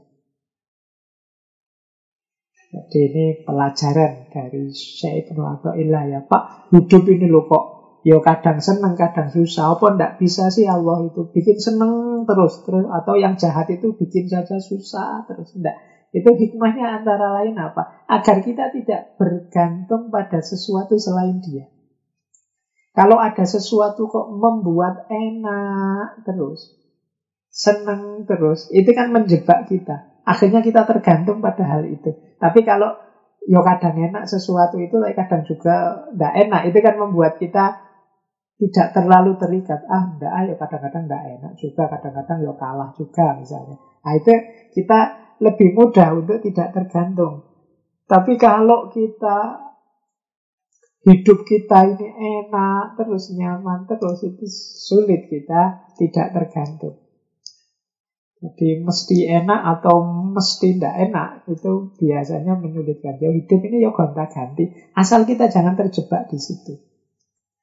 Senang alhamdulillah, tidak senang juga kembalikan semua pada Allah, wong semua ketetapannya. Dan bergilir pasti, tidak ada kok senang itu terus, tidak ada. Sedih terus juga tidak ada. Hidup ini ya longgar, ya sempit. Biasa saja. Itu memang ketetapannya Allah agar kita tidak tergantung. Biar satu-satunya ketergantungan kita yang pasti ya hanya Allah saja. Nah, terus kalau ini sudah banyak penjelasannya ya sejak minggu yang lalu, yaitu menomorsatukannya. Jadi Allah harus selalu nomor satu. Jangan sampai di nomor dua kan dalam hal apa pun. Siapa yang mengenal al-haq, maka ia akan menyaksikannya pada segala sesuatu. Dan siapa yang fana dengan Allah, maka ia akan hilang dari segala sesuatu. Dan siapa yang mencintai Allah, maka dia akan mengutamakannya dari segala sesuatu. Jadi, ya kalau kita mencintai Allah, segala sesuatu ya untuk Allah saja yang kita utamakan, kita nomor satukan dalam hidup kita ini ya ada macam-macam masalah, macam-macam problem, tabrakan berbagai kebutuhan, kepentingan. Rumusnya jangan lupa Allah tetap harus dinomorsatukan, diutamakan. Selanjutnya beliau menyatakan begini, keinginanmu akan tetapnya sesuatu selain Allah menunjukkan bahwa engkau belum menemukannya. Dan kegelisahanmu terhadap hilangnya sesuatu selainnya adalah bukti kalau engkau belum sampai kepadanya. Jadi, ini ketika kita tidak menomorsatukan Allah, kita lupa hadirnya Allah, itu biasanya kita ini menginginkan sesuatu terus-menerus. Takut kehilangan. Gelisah kalau berpisah dari yang selain Allah. Itu menunjukkan kita belum sampai padanya. Kita belum menemukan Allah. Kita masih terikat oleh banyak hal. Mungkin oleh kekayaan, Pak. Kalau saya punya uang banyak, Pak, mesti aku bahagia, senang, santai, nyaman, dan lain sebagainya. Itu keinginan terhadap sesuatu yang selain Allah. Ini menunjukkan bahwa Kok kita menggantungkan kebahagiaan kita pada harta, ya berarti kita memang belum ketemu dengan Allah. Atau kita takut, Pak jangan sampai ini saya punyanya harta ya cuma ini, jangan sampai hilang. Kalau hilang kiamat saya ini. Nah, itu menunjukkan kita, ya kita memang belum sampai padanya. Jadi Ayo kita latihan ya, tidak terlalu takut kalau kehilangan sesuatu dan tidak menganggap bahwa kunci kebahagiaan itu ini, itu, ini, itu selain Allah. Teori itu kan banyak teman-teman belajar berbagai filosofi. Kalau ingin bahagia ini, ingin bahagia itu enggak lah. Kalau bagi para sufi ya, ya sudah. Jalan untuk bahagia ya Allah satu-satunya. Karena selain Allah, fana sifatnya. Fana itu dia tidak selamanya, tidak bisa jadi tempat gantungan. Karena keberadaan yang selain Allah semuanya tergantung. Tergantung Allah. Jadi ya kita ayo gondelan, ayo pegangan pada Allah saja. Baik, saya lanjutkan. Nah, masih ada waktu sekitar 15 menit. Kita coba belajar sebentar tentang bagaimana kita berhubungan dengan Allah. Jadi ini semacam bergaul sehari-hari dengan Allah. Cara menyikapinya seperti apa? Nah ini saya ambil dari beberapa aspek yang ada dalam kitab hikam. Ini saya potong-potong. Baik. Yang pertama, belajar berhubungan dengannya alam ini kata Syekh Ibnu Athaillah lahirnya adalah tipuan batiniahnya adalah pelajaran nafsu memandang pada tipuan lahiriahnya sementara kolbu memandang kepada pelajaran yang tersimpan di dalamnya Nah ini bergaul berhubungan dengan Allah berarti apa? Jangan fokus pada lahiriahnya saja. Mari masuk lebih dalam. Kenapa? Yang hakiki ada di dalam, pelajaran yang sejati ada di dalam, di aspek batiniahnya. Sementara yang lahiriah itu ya gambarnya saja, refleksinya saja. Nah, kalau kita hanya melihat yang luar, mungkin kita tertipu, apalagi kalau kita dikendalikan oleh nafsu. Maka dekat dengan Allah itu fokuslah pada batin. Jangan tertipu oleh yang lahiriah. Biar kita tidak salah sikap. Biar kita tidak tergoda. Jadi kalimatnya alam ini pada lahirnya adalah tipuan dan batiniahnya adalah pelajaran. Berarti apa? Di balik segala fenomena apa pun, ayo kita ambil pelajaran. Ayo kita ambil hikmahnya, kita ambil hakikatnya. Jangan hanya melihat tampilan luarnya. Ini kalau tidak salah dulu saya jelaskan panjang lebar untuk tidak tertipu lahiriahnya ini ketika kita membahas cinta mahabbah di Maulana Rumi Jalaluddin Rumi. Nah, jadi yang pertama ini berarti kalau ingin dekat terus dengan Allah, jangan terjebak pada lahiriah. Yang kedua, manakala Allah memberimu anugerah berarti dia memperlihatkan belas kasihnya kepadamu. Apabila dia menahan pemberian untukmu, berarti dia memperlihatkan kekuasaannya kepadamu. Dan pada semua kondisi itu, dia memperkenalkan diri kepadamu, serta menghadapimu dengan kelembutannya. Jadi hidup ini kan isinya dua. Anugerah dan upaya atau perjuangan. Kalau Allah memberi kita anugerah, jadi kita mendapat banyak fasilitas-fasilitas, banyak pemberian-pemberian dari Allah, kita sadarilah itu sebagai kasih sayangnya Allah pada kita.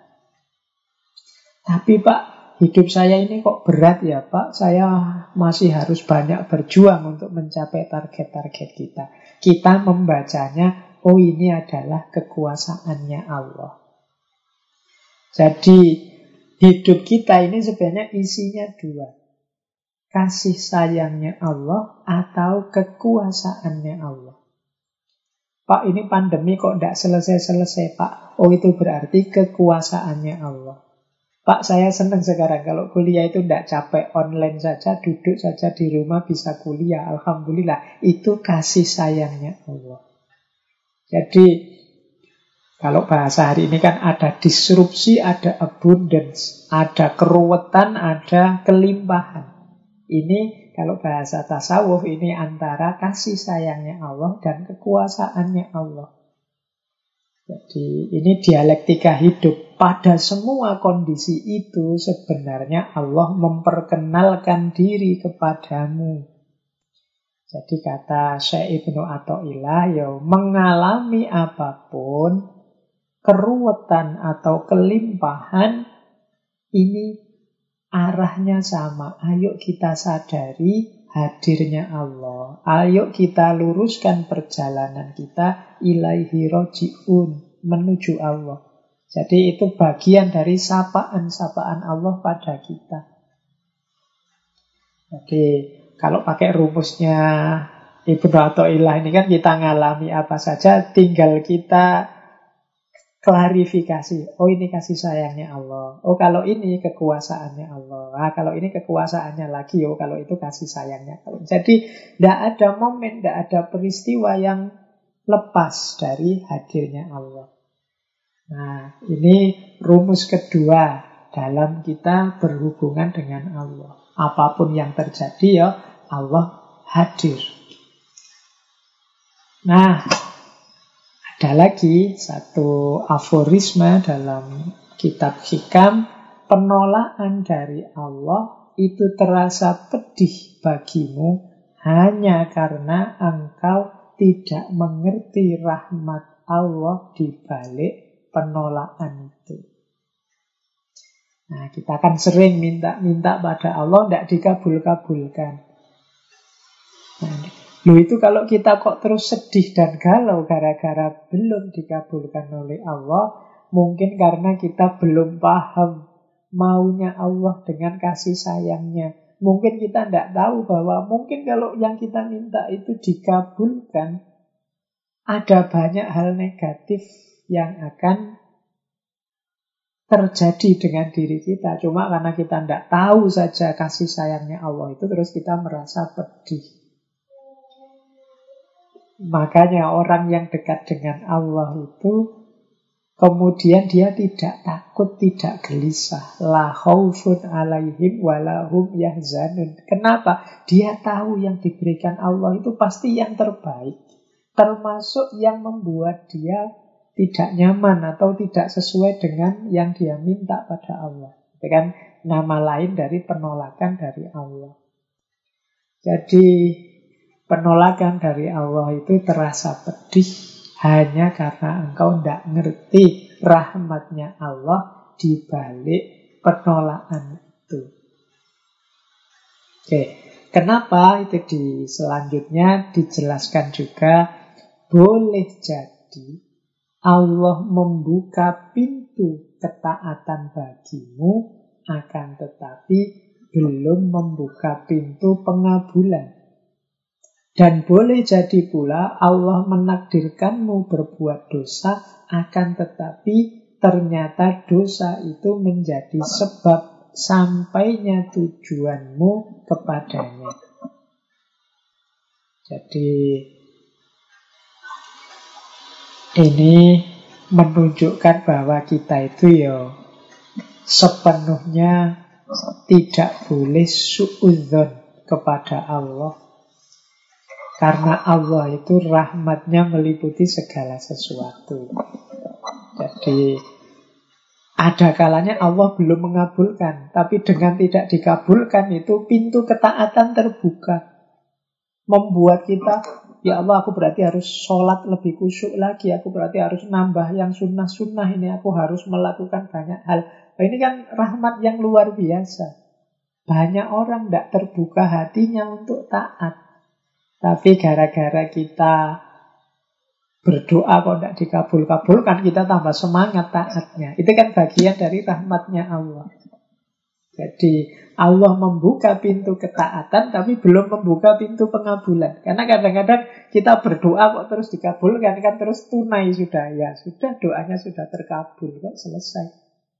Nah itu antara lain ilustrasi yang menjelaskan bahwa orang yang dekat dan mencintai Allah itu tidak sedih batinnya meskipun doa tidak dikabulkan karena pasti ada rahmat Allah kasih sayang Allah di balik itu. Bahkan ada kalanya, kalau ini lebih ekstrim lagi, Allah menakdir kita melakukan dosa. Yang gara-gara dosa itulah akhirnya kita sadar hakikat hidup untuk kembali padanya. Nah, makanya jangan underestimate terhadap orang-orang yang berdosa.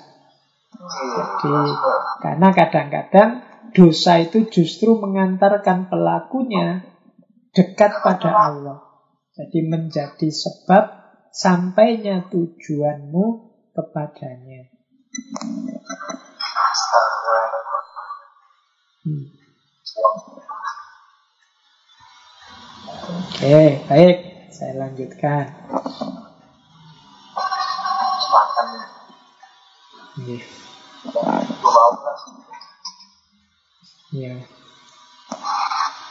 Ngomongnya harus gantian kalau sedang online Zoom gini ya, tidak apa-apa. Tidak boleh kecewa. Di balik yang kelihatan selalu ada rahmatnya Allah. Mungkin kalau tidak ada distraksi dari teman-teman yang suaranya bocor kan, saya tidak istirahat ambil nafas. Bisa istirahat sebentar. Baik, terus ya, Waktunya sudah mepet.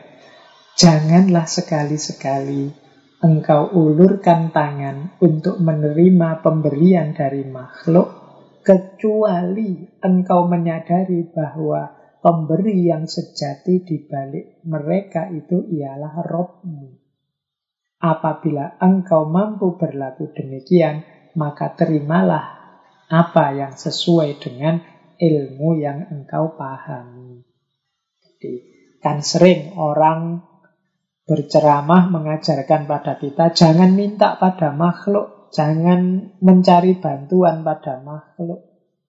Tapi jangan lupa pemberian Allah itu ya kadang-kadang melalui makhluk untuk sampai pada kita.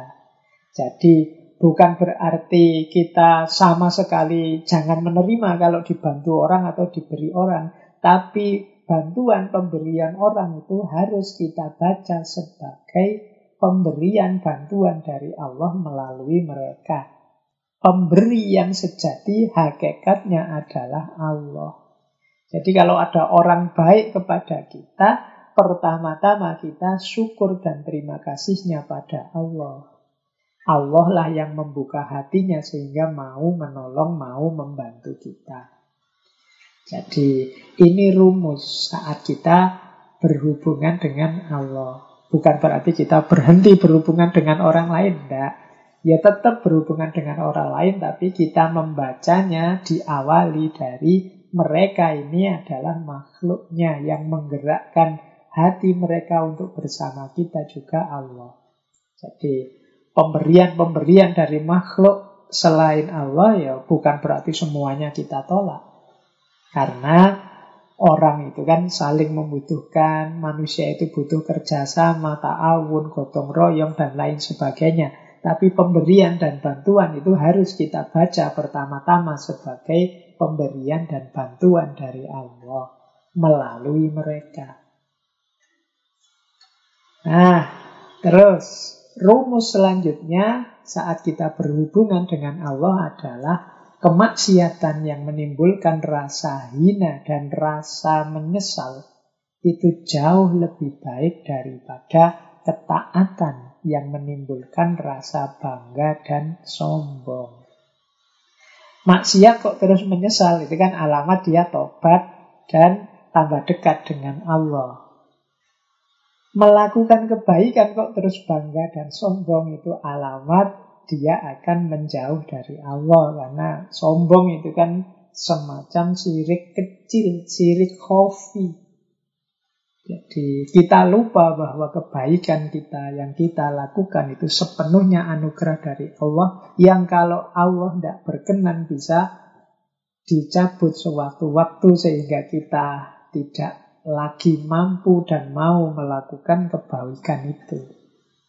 Jadi kata Sayyidina Atta'illah, kemaksiatan yang menimbulkan rasa hina dan rasa penyesalan jauh lebih baik dari ketaatan yang menimbulkan rasa bangga dan sombong.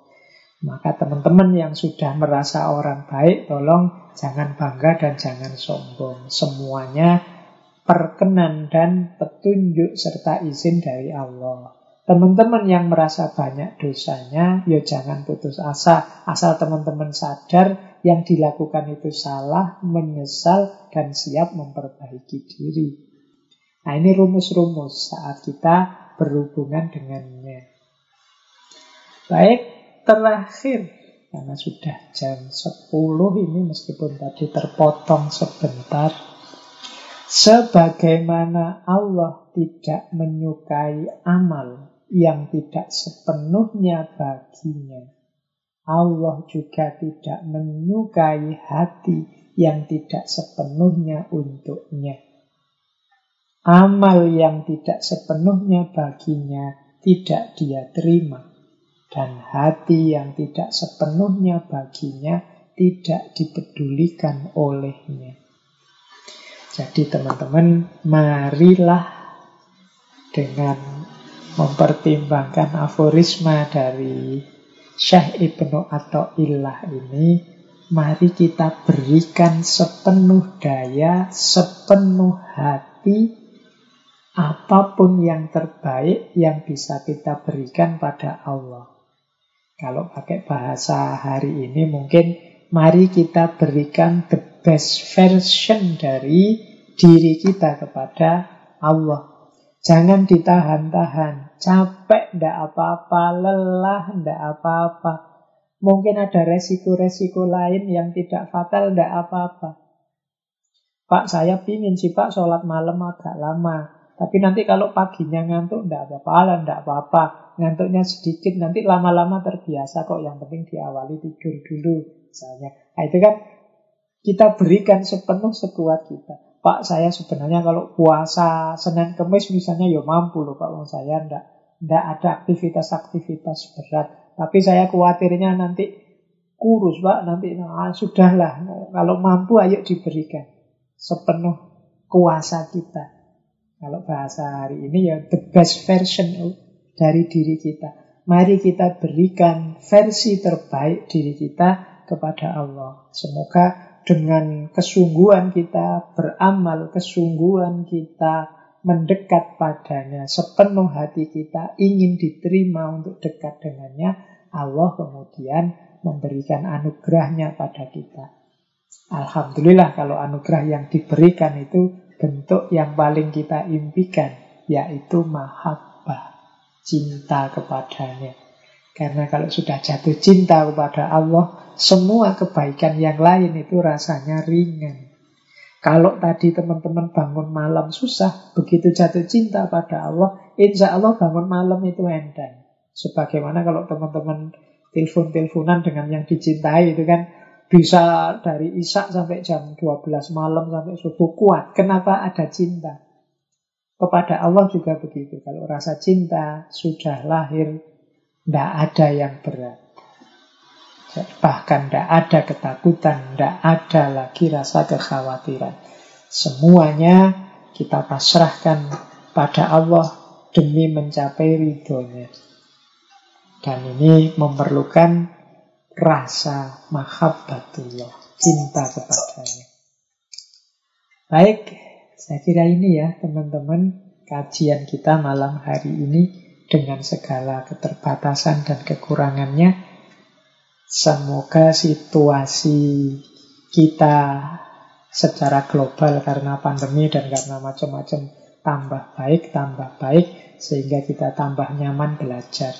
Meskipun begitu, seandainya toh situasinya belum segera membaik, semoga teman-teman juga tetap istiqomah belajar, nambah ilmu, meningkatkan kualitas hidup kita yang pada akhirnya meningkatkan kedekatan kita kepada Allah. Baik, saya kira ini sesi untuk malam hari ini. Kurang lebihnya saya mohon maaf. Wallahul muwafiq, wallahu a'lam bishawab. Wassalamualaikum warahmatullahi wabarakatuh.